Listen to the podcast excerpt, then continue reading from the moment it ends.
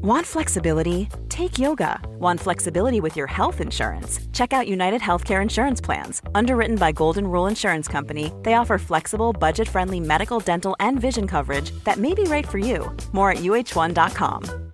Hey, I'm Ryan Reynolds. At Mint Mobile, we like to do the opposite of what Big Wireless does. They charge you a lot, we charge you a little. So naturally, when they announced they'd be raising their prices due to inflation, we decided to deflate our prices due to not hating you. That's right. We're cutting the price of Mint Unlimited from $30 a month to just $15 a month. Give it a try at mintmobile.com slash switch. $45 upfront for three months plus taxes and fees. Promo for new customers for limited time. Unlimited more than 40 gigabytes per month. Slows. Full terms at mintmobile.com.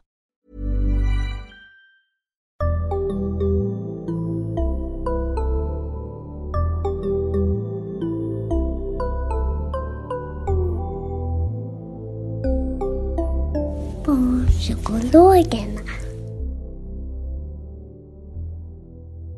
Välkomna till Barnpsykologerna, en podcast med Liv Svirski och Lars Klintvall.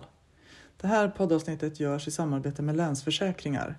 Länsförsäkringar vill hjälpa alla blivande föräldrar att förstå hur viktigt det är att ha ett bra försäkringsskydd för den gravida och för det ofödda barnet.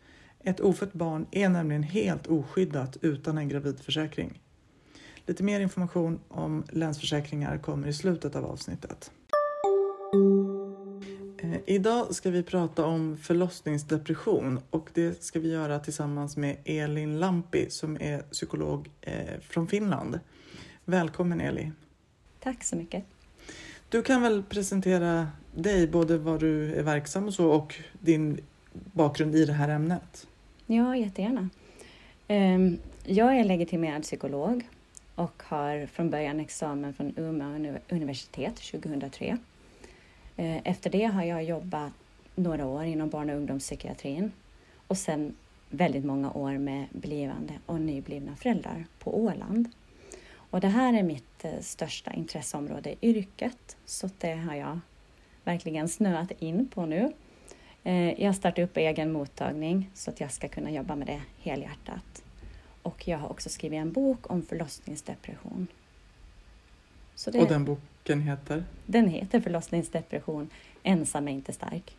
Mm. Mm. Bra. Och den länkar vi till också i, på vår Instagram och i texten till, den här, till det här avsnittet.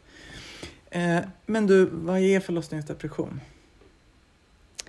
Förlossningsdepression är en depression som kan komma antingen under graviditeten eller under hela det första året när man har fått barn. Och egentligen för att beskriva det så är det viktigt att man först vet vad baby blues är, som är ett tillstånd som drabbar väldigt många. Man brukar säga att ungefär 80 procent får det här baby blues. Och det är en, en sån här ökad känslighet som slår till ungefär tre dygn efter förlossningen eh, när mjölken stiger. Och då blir man som kvinna väldigt... Eh, känslorna skruvar upp sig och man blir gråtmild. Man kan gråta för både liksom fina saker, att man är överväldigad eller att man är sorgsen och ledsen. Och det här tänker jag också är en jätteviktig period att gå igenom för att det fyller den funktionen att man blir lyhörd för lilla bebisen. Att man reagerar på alla små signaler och, och blir ja, ställer in sig på att reagera på bebisen. Sen brukar den här svajigheten ge sig ungefär efter ja, två veckors tid. Och för vissa så kommer det här tillbaka och blir mer liksom åt det här sorgsna hållet. Och för vissa så ger det sig aldrig överhuvudtaget utan bara fördjupas och förvärras. Och då kan det handla om en förlossningsdepression istället. Och då börjar den liksom där dag tre och sen Mm. pågår den? Det kan den göra, men den kan ju också komma tillbaka någon gång under det första året. Och vanligt är väl att man säger att de första tre månaderna så brukar det för de flesta dyka upp en förlossningsdepression. De som får det får det vanligtvis inom tre månader. Men sen har man liksom utökat det till att, att prata om hela det första året eftersom det ändå är, förekommer för många. Mm. Ungefär för en tredjedel startade senare. Och vad är tecknen eller symptomen då på depressionen? Symptomen är att man ofta man får svårt att känna glädje. Och det kän, många sitter med en känsla av att man är i ett liv och en tillvaro som man inte alls vill vara i och ingenting är riktigt som man har tänkt sig. Ehm, det är vanligt att man brottas med känslor, att man har jobbigt med känslorna för sitt lilla barn. Många är likgiltiga eller också att det drar åt negativa hållet. Att man ångrar sig eller ja. Men det kan också vara de som, som faktiskt oroar sig jättemycket och håller hårt i barnet. Har svårt att ta emot hjälp och har, blir lite misstänksamma mot omgivningen. Eh, jättemånga kvinnor har också svår ångest i kombination med det här ledsna. Och då har man svårt att sitta still och det är jobbigt att vara ensam hemma med barnet och, och man blir väldigt rastlös. Så ganska, egentligen ganska typiska depressiva symptom som, som dyker upp just i den här perioden. Då. Mycket skuldkänslor i föräldraskapet. Mm. Hur skiljer man det från en, en annan depression? Då? Hur vet man att det är just en förlossningsdepression förutom det här rent tidsmässiga sambandet? Det är väl egentligen, man skiljer det främst med det tidsmässiga sambandet. Men sen är det väl också, tänker jag specifikt det här med att det är så mycket skuldkänslor kopplat till föräldraskapet och också i relationen till barnet. Att det är det liksom typiska, för det är ju här man ska bygga den här relationen och man ska bli förälder och det är så mycket förväntningar. Så här är det, liksom, det är det som är det typiska som man ofta liksom får jobba med i behandlingar, som jag tycker att är viktiga bitar. Och det som jag också kan säga om det här är egentligen att mående är ofta värst på, på morgonen och förmiddagen och sen brukar det för väldigt många lätta kanske eftermiddag och kväll. Och det kan ju vara att sambon, ens partner kommer hem från jobbet och man har lite delat ansvar och man känner att jag, nu har jag klarat av den här jobbiga dagen. Och eh, så känner man kanske ganska mycket sig som sig själv på kvällen. Och det där kan lite lura också en att tro att nu har det gått över och nu är det bättre. Och sen kommer nästa morgon och så är det samma sak igen. Så, så där ser, liksom, ser måendet ofta ut. Om man är en person som har haft depressioner tidigare som inte har då haft med graviditet eller förlossning eller barn, barnafödande att göra och så får man då ett nytt ett skov under det här första året. Räknas det ändå som förlossningsdepression då eller gör man någon diagnostik där så att man försöker skilja på att men det här är nog den vanliga depressionen eller det här? För jag tänker att om man är deprimerad så kommer säkert skuldkänslor för barnet att komma i alla mm. fall. Liksom. Mm. Men hur tänker man där rent diagnostiskt? Man tänker nog att det är en förlossningsdepression om den, kom, om den liksom dyker upp där, men man behöver sätta det i ett sammanhang. För att just när man pratar om risk och sådär, om det ska återupprepas och så, så har just den där biten betydelse. Att det är kanske en, en ny depressiv episod hos en person som har haft tidigare depressioner, men att det, man kan ändå omnämna det i stunden som förlossningsdepression. Mm. Även om det är som ett, i det stora hela ett återfall i tidigare depression. Just det. Mm.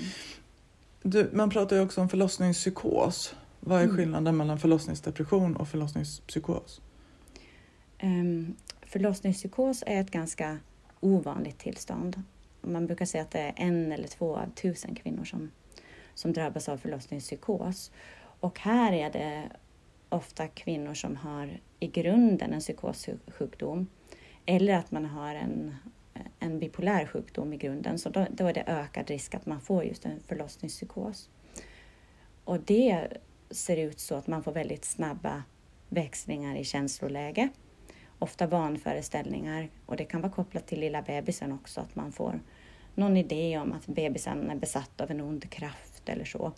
Det är ofta, man kan höra och se saker som inte finns och de som står bredvid en, en som person som är drabbad av förlossningspsykos ser ofta att det här är ett nytt beteende, en annan personlighet än vad personen har i grunden. Och det behövs då också i så fall eh, snabbt omhändertagande inom vården. För här är det risk att man kanske faktiskt också skadar sig eller, eller sitt barn. Men prognosen är bra om man bara får den där snabba hjälpen. Det är också viktigt att veta att mm. bara man får snabb vård så kan man häva den där psykosen. Mm. Kan man tänka sig då att man kan också få sitt första psykosskov efter en förlossning just för att det ändå är en ganska påfrestande både psykiskt och fysiskt eh, period i livet. Liksom. Mm, man kanske man. inte har vetat att man inte haft en tidigare psykossjukdom diagnostiserad för att man inte har fått sitt första skov tidigare. Mm. Man kan tänka det och en, en utlösande faktor vad gäller psykossjukdom så är svår sömnbrist så jag tänker att där har man ju mycket. Mm. Man är ju väldigt sårbar. Det är ofta en period med svår sömnbrist och det kan börja redan under graviditeten, just den här sömnbristen. Och speciellt känsligt brukar man tänka att det är från tredje trimestern och framåt med den där den faktorn just. Mm. Just det. Du, nu sa du en till två på tusen med förlossningspsykos. Hur ser den siffran ut just med förlossningsdepression? Förlossningsdepression säger man att drabbar ungefär var sjätte mamma. Mm. Och om man ska översätta det i siffror så är det, handlar det om 16 000 kvinnor i året i Sverige. Så det är väldigt många kvinnor mm. som drabbas. Och också en stark eh, samexistens hos partnern. Vad, vad menar du då? Att det är väldigt vanligt med en deprimerad mamma att också pappa eller medförälder också blir deprimerad. Mm. Så det är, man brukar säga var tolfte pappa. Mm. Och vem är det som drabbas då, förutom att man är kvinna som nyligen har fått barn? Finns det några andra faktorer som gör att så ökar risken eller så? Um, jag tänker att det är... Det finns ingen direkt orsak att peka ut, utan det är olika omständigheter som drabbar en. Så det är liksom inte eh, viktigt att tänka att det är inte kvinnans fel, utan det är olika saker som kan inträffa i livet som ställer till det. Och man kan, man kan egentligen prata om det här tillståndet både utifrån hormoner, att vissa är mer känsliga för en omställning i hormonnivå som är i den här perioden. Eh, vissa har också mer PMS till exempel, att det finns en ökad känslighet hos vissa kvinnor. Och sen kan det också vara en, en stor krock med förväntningar, vad man har tänkt sig innan om, om föräldraskapet och, och hur det blir. Så krocken med verkligheten kan också ställa till det och olika saker som kan komplicera det. Då. Men det, mm. ja. Ja, nej, fortsätt du. Nej, jag tänkte säga att då, istället för orsaker så pratar man om olika sådana här riskfaktorer som mm. kan, som vi, ska gå in på dem och, och ja, sammanfatta lite? Ja. ja. Mm. Man har sammanställt sådana här utifrån olika eh, metaanalyser som egentligen är att man har tittat på ett stort antal studier då för att försöka med vissa metodkrav så har man försökt lista liksom att vad finns det för riskfaktorer som gör att vissa drabbas.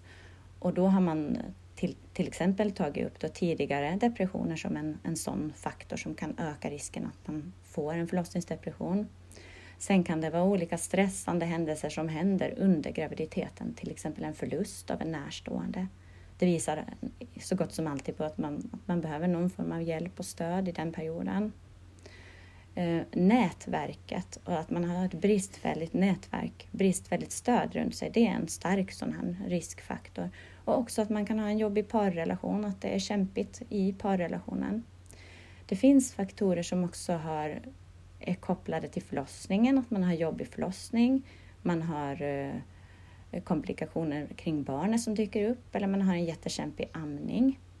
Och de här bitarna gör ju också att det går liksom inte helt att förutse att man kan inte titta på en gravid kvinna och, och göra kopplingen att det här blir en förlossningsdepression. Man kan se risktecken, men det finns som sagt risktecken också kring förlossningen och den där första tiden. Mm. Finns, det, finns det någonting som man då, om man nu är nära en nyförlöst eller blivande mamma som, dels vad kan man själv vara uppmärksam på och vad kan partner eller om det inte finns en partner men andra i närheten vara uppmärksamma på? Man kan ju vara uppmärksam, man kan ju, jag tänker själv kan man ju vara uppmärksam på om man börjar få den där känslan att man är i det här läget när man faktiskt, man, man vill inte vara här, man har ångest och jobbigt att vara ensam och man har svårt att, att vila och man börjar liksom fastna i den där spiralen med mycket skuldkänslor. Så här börjar det ju liksom gå åt fel håll. Och många tappar också egna rutiner. Man liksom kan bli ganska aptitlös och, och man börjar hoppa över frukost och lunch och då blir det ju bara värre av allting. Så sånt här kan man vara uppmärksam på och speciellt om det börjar hålla i sig. För just för att det ska räknas som en depression behöver det också vara minst två veckors tid ska det hålla i sig och så gott som dagligen. Så här kan man ha lite liksom värderat. Är det en tillfällig svacka? Är det en sjukt jobbig dag efter en jobbig natt? Eller är det är det någonting som bara blir så här ihållande. Mm. Och där ska man ju verkligen själv också vara uppmärksam på om man börjar få sådana tankar om att skada sig själv eller skada sitt barn, vilket är också tecken på depression. Det betyder ju absolut inte att man gör det och agerar på de här tankarna, men jag tänker att det visar ju att man har det tufft och att man behöver hjälp utifrån.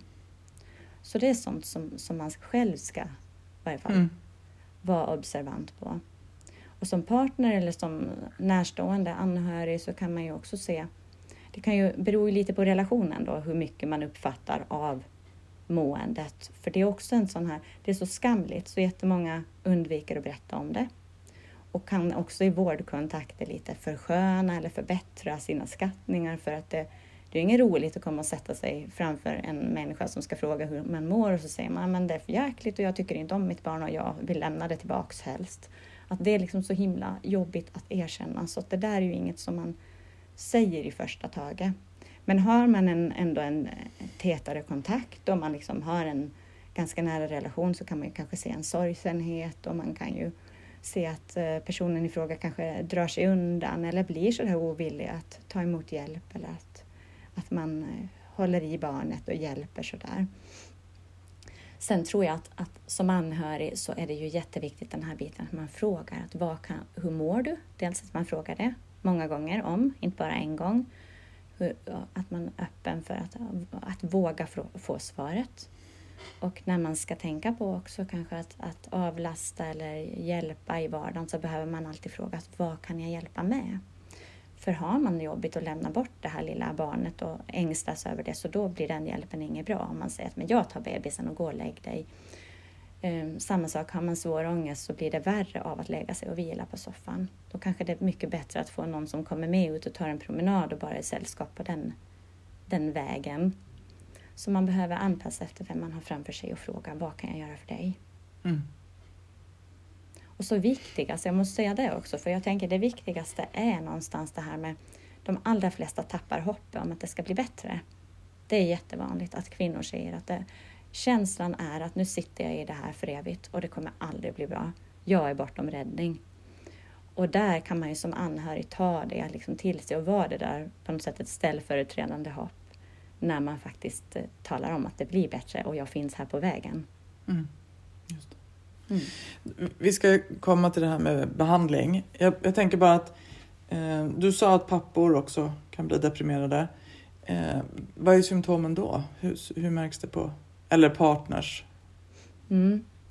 Partners är eh, medföräldrars depressioner kommer ofta lite senare. Att det är det vanliga, Mm. att de dyker upp lite senare. Och där har man sett att ingången till att söka hjälp är också oftare via vårdcentralen. Att man kanske själv Where's that dust coming from? Still finding debris after vacuuming? Eufy X10 Pro Omni Robot Vacuum has 8,000 PA of powerful suction to remove debris deep in carpets. And it's totally hands free. Want to know more? Go to eufy.com. That's EUFY.com and discover X10 Pro Omni, the best in class all in one robot vacuum for only $799. Flexibility is great. That's why there's yoga. Flexibility for your insurance coverage is great too. That's why there's United Healthcare Insurance Plans. Underwritten by Golden Rule Insurance Company, United Healthcare Insurance Plans offer flexible, budget friendly coverage for medical, vision, dental, and more. One of these plans may be right for you if you're, say, between jobs, coming off your parents' plan, turning a side hustle into a full hustle, or even missed open enrollment. Want more flexibility? Find out more about United Healthcare Insurance Plans at uh1.com. Nice. Yeah. What you're hearing are the sounds of people everywhere putting on Bombas socks, underwear, and t-shirts made from absurdly soft materials that feel like plush clouds. Yeah, that plush. And the best part? For every item you purchase, Bombas donates another to someone facing homelessness. Bombas. Big comfort for everyone. Go to bombas.com slash ACAST and use code ACAST for 20% off your first purchase. That's bombas.com slash ACAST. Code ACAST. Vi inte kopplar det till det här föräldraskapet. Så där är ju en viktig bit att man inom primärvården också tar med det i sin bedömning och, och tittar att har det blivit, är det föräldraskap och föräldrablivande som finns med närmaste tiden så kan det liksom vara en utlösande faktor också för en medförälder. Um, sen har man också sett att, att pappor oftare faktiskt själva lägger fram det som stress och en känsla av otillräcklighet. Att man räcker inte till på jobbet, man räcker inte till hemma och man beskriver det mer som stress än som depression. Hur är det ehm, i familjer till exempel, antingen där det är en ensamstående som får barn så att det inte finns partner eller i, i familjer där det kanske finns fler föräldrar, tre eller fyra eller så. Har man, vet, har man ens tittat på det och vet man hur, hur vanligt det är då? Man har inte tittat så mycket på det och man har inte heller överlag tittat så mycket på samkönade relationer och därför så står många undersökningar som refereras till så står det just mammor och pappor och har den begrepps begrepp, man är i den begreppsvärlden. Men de undersökningar som finns så har visat ändå på samma förekomst och samma mm. riskfaktorer. Så det är egentligen det man har tittat på, man har inte hittat några skillnader på det. Men därför blir det också liksom det, det som, som man ofta hör, mammor och pappor. Det kan ju vara mm. provocerande, mm. men det handlar ju mycket om att studier har riktat in sig just på, på det. Just det. Mm. och adoptivföräldrar, finns det någon, någon studie där? Mm. Det finns också det och eh, jag tänker att där, där är det ju också man kan absolut bli deprimerad som adoptivförälder och få en förlossningsdepression. Man behöver inte vara födande förälder för att bli deprimerad på samma sätt som en medförälder kan bli deprimerad. Mm. Och här utmattning i sig ökar risken. Och sen har man också sett hos adoptivföräldrar att om man, när man får sitt barn och så har man kanske inte så mycket bakgrundsuppgifter alltid om barnet och i ett senare skede upplever att barnen har särskilda behov. Att det kan vara en sån där trigger för att man blir, mm. får en förlossningsdepression. Att, att det blir svårare än vad man har tänkt, att det blir ökad krav på föräldraskapet mot vad man har föreställt sig. Och sen den biten som, som är ändå eh, att betrakta som en normal grej när man får ett barn, oavsett om det är ett biologiskt barn eller om det är via adoption, så känner man ofta lite tveksamhet, man ångrar sig lite, det är inte alltid jätteroligt. Um, när man får de där uh, tankarna och känslorna vid en adoption så kan det vara oerhört skuldbelagt. Att man har kämpat länge, man har längtat och man har sett fram emot det här barnet och så känner man lite sådär på något mm. sätt tycker att nu känner jag så här hemskt. Jag har svårt att knyta an, svårt att tycka om. Så istället för att tänka att så här kan det vara, så här är det för väldigt många, så tänker man men gud vad jag är rutten som sitter och, och är så här nu när jag borde mm. vara lycklig. Så det är också en sån sak som är väldigt i de fallen. Också med ofrivillig barnlöshet i, i stort när man har kämpat länge så är det där väldigt skuldbelagt. Mm. Mm, intressant. Okej, så vad gör man åt det då om man nu har det, en förlossningsdepression? Hur ser behandlingen ut? Mm. Eh, det finns ju både medicinsk behandling eh, och det finns eh, psykoterapi som hjälper. Ofta kan man kombinera de här båda och speciellt om det är en svårare depression så kan man behöva en kombination av båda. Ehm, många kvinnor är rädda för just antidepressiv behandling och särskilt om man ammar. Men det har man forskat väldigt länge på så det finns medicin som man kan ta tryggt när man ammar Eh, då funkar det så att man ofta trappar upp, eller man trappar upp den här medicinen. Man börjar med en låg dos och så får man öka den stegvis.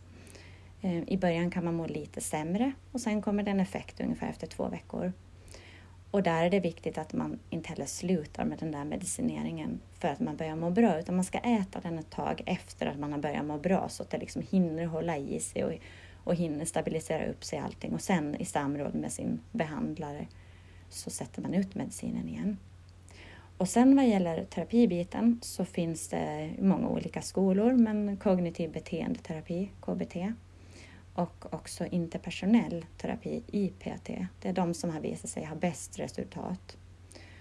Och eh, kognitiv beteendeterapi, då jobbar man mycket här och nu och man blickar på framtiden. Eh, man jobbar med hemuppgifter som man får mellan gångerna som ska också som man kan dels återupprepa för sig själv vid flera tillfällen och sen liksom knyter det ihop lite de här sessionerna, att man har någonting konkret att göra hemma. Eh, interpersonell terapi handlar mer om eh, närmaste relationerna, att både hur de påverkar mående och hur mående påverkar de närmaste relationerna. Men sen tänker jag att det viktigaste kanske är att man träffar en lyhörd behandlare som har koll på förlossningsdepression och som man på något sätt som man känner förtroende för. För då kommer man långt vad gäller behandling. Att det är mm. viktigt. Att man behöver inte bli helt skräckslagen om man inte hittar just KBT eller inte får den här IPT. Utan det finns ju förstås andra vägar att gå. Bara man har den där trygga relationen och, och en just som har kunskap om, om depressionen så tänker jag att kommer man långt med. Så vad ser, hur är prognosen? Liksom? Hur, hur är behandlingsresultat och, och prognos för det här? Det är bra prognos, för, för även utan behandling så, så går det över med tiden. Mm. Men däremot så brukar man säga att uh, ungefär en tredjedel får mer långvarig depression. Och man har också tittat på olika studier när man ser att det finns kvar depressiva symptom ännu efter två år. Så då kan man ju tänka att det är länge som det hänger kvar någonting av det här. Men det som också visar lite hur, hur långt långvarig depression, det som man kopplar till längden är just det här sociala stödet. Att har man mer stöd runt sig och har mer liksom nätverk som sluter upp och bollplank och folk som man kan anförtro sig åt, så det tenderar liksom att krympa ihop den här längden på depression. Mm. Men det går alltid över, men snabbare med hjälp skulle jag säga. att det, det är väl så man kan tänka. Och vad är tidsskillnaden där? Liksom när du säger snabbare, handlar det om att är det månader snabbare eller? Ja, jag tänker att just det där med två år, så där kanske det är många som är obehandlade, att då släpar det efter liksom, att det finns mm. vissa symptom som hänger kvar. Men sen är det ju väldigt individuellt både hur, hur djup depression man har och så får man ibland jobba på lite olika områden. Att har man haft en väldigt traumatisk förlossning så kanske det är främst där man behöver gå in och jobba. Så lite beroende på vad, vad det hela handlar om. Du, när man då har eh, sitt barn och kanske har de här ganska blandade känslorna för det och så. Jag antar att det i behandlingen kanske också ingår liksom ändå att göra saker och att aktivera sig både med barnet och kanske delvis utan. Mm. Men om man liksom känner att man, alltså som en del kvinnor beskriver att de inte riktigt vill ta hand om sitt barn. Hur, mm. hur bemöter man det? Mm. Jag tänker att det är ju så det kan kännas när man är deprimerad, när man är i den här lägen när man verkligen inte vill vara här. Och då behöver man ju också tänka att man ska liksom stötta upp den andra medföräldern, dens intuition och dens föräldraskap, att det, den behöver också fångas upp av mm. vården. Och sen så får man liksom göra väldigt, gå varsamt fram. Man kan gärna göra saker som känns ovant som förälder. Att man kanske njuter till fullo, man kanske inte känner att det här är någonting som jag riktigt eh, vill sådär fullt ut, men det kan kännas ovant och det är okej. Okay. Men känns det obehagligt, så där kan man liksom ha som ledtråd att där kan man backa.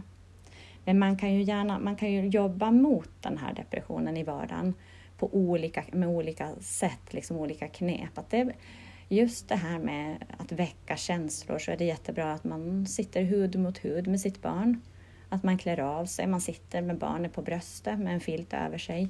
Man kanske duschar tillsammans eller badar badkar. Så små steg som kan som sagt kännas lite ovana men som gör det stegvis bättre, liksom bara man håller på lite. Mm. Så det, det, finns ju sånt. Sen kan man ju också tänka i vardagen att man eh, jobbar mot det här tysta och avstängda genom att eh, prata högt, berätta vad man gör, att man liksom får igång ett ett snack hemma. Man kan berätta att nu ska mamma ta på sig jackan här, vi ska gå ut och var är mina skor? Ja, men där var de. Att man tränar sig om man har svårt med samspel och liksom veta vad man ska säga direkt till bebisen så kan man ta sådana här andra knep, att bara berätta högt allt som sker. Nu kokar jag kaffe och här är vattnet och så. Eh, saker som också kan vara bra är att man tittar varje gång man byter blöja så kan man försöka le mot sitt barn. Ett fejkleende i och för sig först, att det känns ofta konstigt till en början. Mm. Men där har man liksom en uppgift, man ler vid blöjbyte och sen brukar det börja komma lite mer naturligt på sikt. Och det där är en sak som kan kännas jättedumt först, men sen kan det också vara en sak som man tittar tillbaks på och tycker att det är ganska bra, för då vet man att nu fick min lilla bebis i varje fall fem gånger om dagen här, de här leendena att man i efterhand kan känna att jag gjorde liksom det där i varje fall. Så att det, man lite uh, maskerar det här depressiva med att bli avstängd och mimikfattig och sådär. Så man kan jobba på de här sakerna. Jobba mot depressionen och sen också bara tänka liksom att man får kanske ibland man får kliva ur hemmiljön, att planera in egna stunder. Man kliver ur, man boostar sig och så kliver man in igen. Det tror jag är jätteviktigt. Mm. Att många hela tillvaron handlar ju om att ta hand om och man behöver göra det. Man behöver mata, man behöver byta, man behöver finnas till hands. Men då får man inte glömma sig själv. Och där ska man inte heller fastna i att skuldbelägga utan man tänker liksom att nu kliver jag ur, får lite energi, får mitt, eh, partner hemma. Det är inte heller tokigt, de bygger sin relation och sen kommer jag tillbaks. Och där beskriver många att där funkar det bättre. När man har lite liksom fått andas för sig själv så kommer man in och där kan känslorna kännas eh, väldigt annorlunda och tillvaron väldigt annorlunda. Mm. Så att man får jobba också med sånt, egen återhämtning och egen omtanke. Du sa ju det här med dygnsrytmen, kan man också tänka att man då om man, om man mår bättre på eftermiddagen och kvällen, att man ser till att ha mer tid med bebisen då? När man kanske har lättare för att genuint le eller liksom. Och att man verkligen mm. försöker ta vara på den tiden. Jag tänker att många kanske mår bättre för att avlastningen kommer hem så att säga. Att där känner man att, man, den här, att nu slipper jag ansvaret. Jag tänker att mekanismen snarare är så att nu, nu kan jag andas ut, nu finns det någon annan som kan vara här och le och byta och vara jättefin förälder och jag, jag slipper känna liksom kraven på mig. Så att man får ju göra som det känns, men det kan ju kanske vara där som man istället behöver gå undan för att man just uh, känner lite frihet i ansvar. Och känner man, men det finns ju inga regler, känner man liksom att nu är det bra så kan man sitta tillsammans och man kan kan bra liksom använda den tiden också. Om mm. man känner att det, att det funkar. Jag tänker att det där är också en väldigt vanlig dygnsrytm som man ser vid alla depressioner och även vid ångestproblem. Att det är värre mm. på morgonen och att det också har med ämnesomsättning och hormoner och så att göra.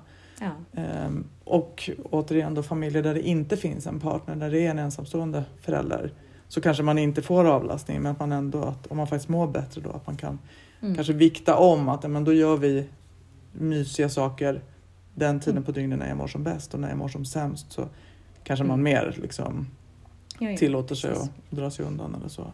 Mm. Och sen tror jag att det kan vara klokt att man tränar lite sån här, liksom att hemmahänga tillsammans som jag säger så. Att om mm. lilla bebisen ligger i ett babygym och är väldigt nöjd och tittar på en leksak så ska man liksom sänka de här kraven också. För att då behöver inte jag sitta där och peta på leksaken och prata om den och visa och leka. Utan då kan man sitta med en bok eller en tidning och använda mm. stunden. Att man tänker att nu är vi hemma tillsammans i familjen, bebisen mm. och jag. Så att man också kan försöka hitta återhämtning i, i samvaron. Just det. Mm. Du, om det finns syskon då, äldre syskon jag tänker att, eller ja, vad, vad, tänker du om det? Om jag bara lämnar det så öppet. Mm. Nej, men det tänker jag att, att det är jätteviktigt att ta med alla delar av familjen när man pratar om depression och när man behandlar depression. Eh, det beror ju på hur gammalt syskonet är. Mm. Eh, men det viktiga är ändå att man informerar barnet, att man pratar hemma om det. För barn överlag uppfattar mer än vad vi tror. Så att jag tänker att om man inte säger någonting så får ofta barn egna idéer om vad det är som är på gång och varför det är som det är. Mm. Så någonstans så ska man försöka berätta på barnets nivå att det här handlar om en sjukdom som om, låt säga mamma har då. Och att man gärna säger vad det heter, att det är en depression kan vara viktigt att säga att det smittar inte, för det kanske är det första som barnet tänker att det är något smittsamt när man pratar om mm. sjukdomar. Men man kan gärna berätta vad, vad gör den här sjukdomen? Det kanske gör att mamma blir ledsen, mamma orkar inte alltid leka och mamma gråter ibland. Och så får man säga att det, det är inget farligt och det kommer att gå över. Man kan gärna berätta vem som vem som hjälper till att få det att gå över. Om det är någon, en psykolog eller det är en doktor som mamma går till som ska hjälpa oss. Och, och också att man kanske betonar att det, det är inte barnets fel. Man kan tänka att det kan vara korta små samtal som, eh, med, på barnets nivå och så får man svara på de frågor som barnet har. Och det kan ju komma mm. flera stunder. Att man behöver inte tänka att man ska sitta en timme och, och undervisa någonting utan korta små stunder och sen möter man upp det som, som dyker upp för barnet. Och här kan man kanske också tänka att man försöker hålla stora syskonets rutiner så, så vanliga som möjligt och kanske informera förskolepersonal så att det kan komma också frågor där, att de kan möta upp det på ett klokt sätt. Och så tänker jag att överlag så ska man nog inte vara så rädd för sådana här svåra samtal.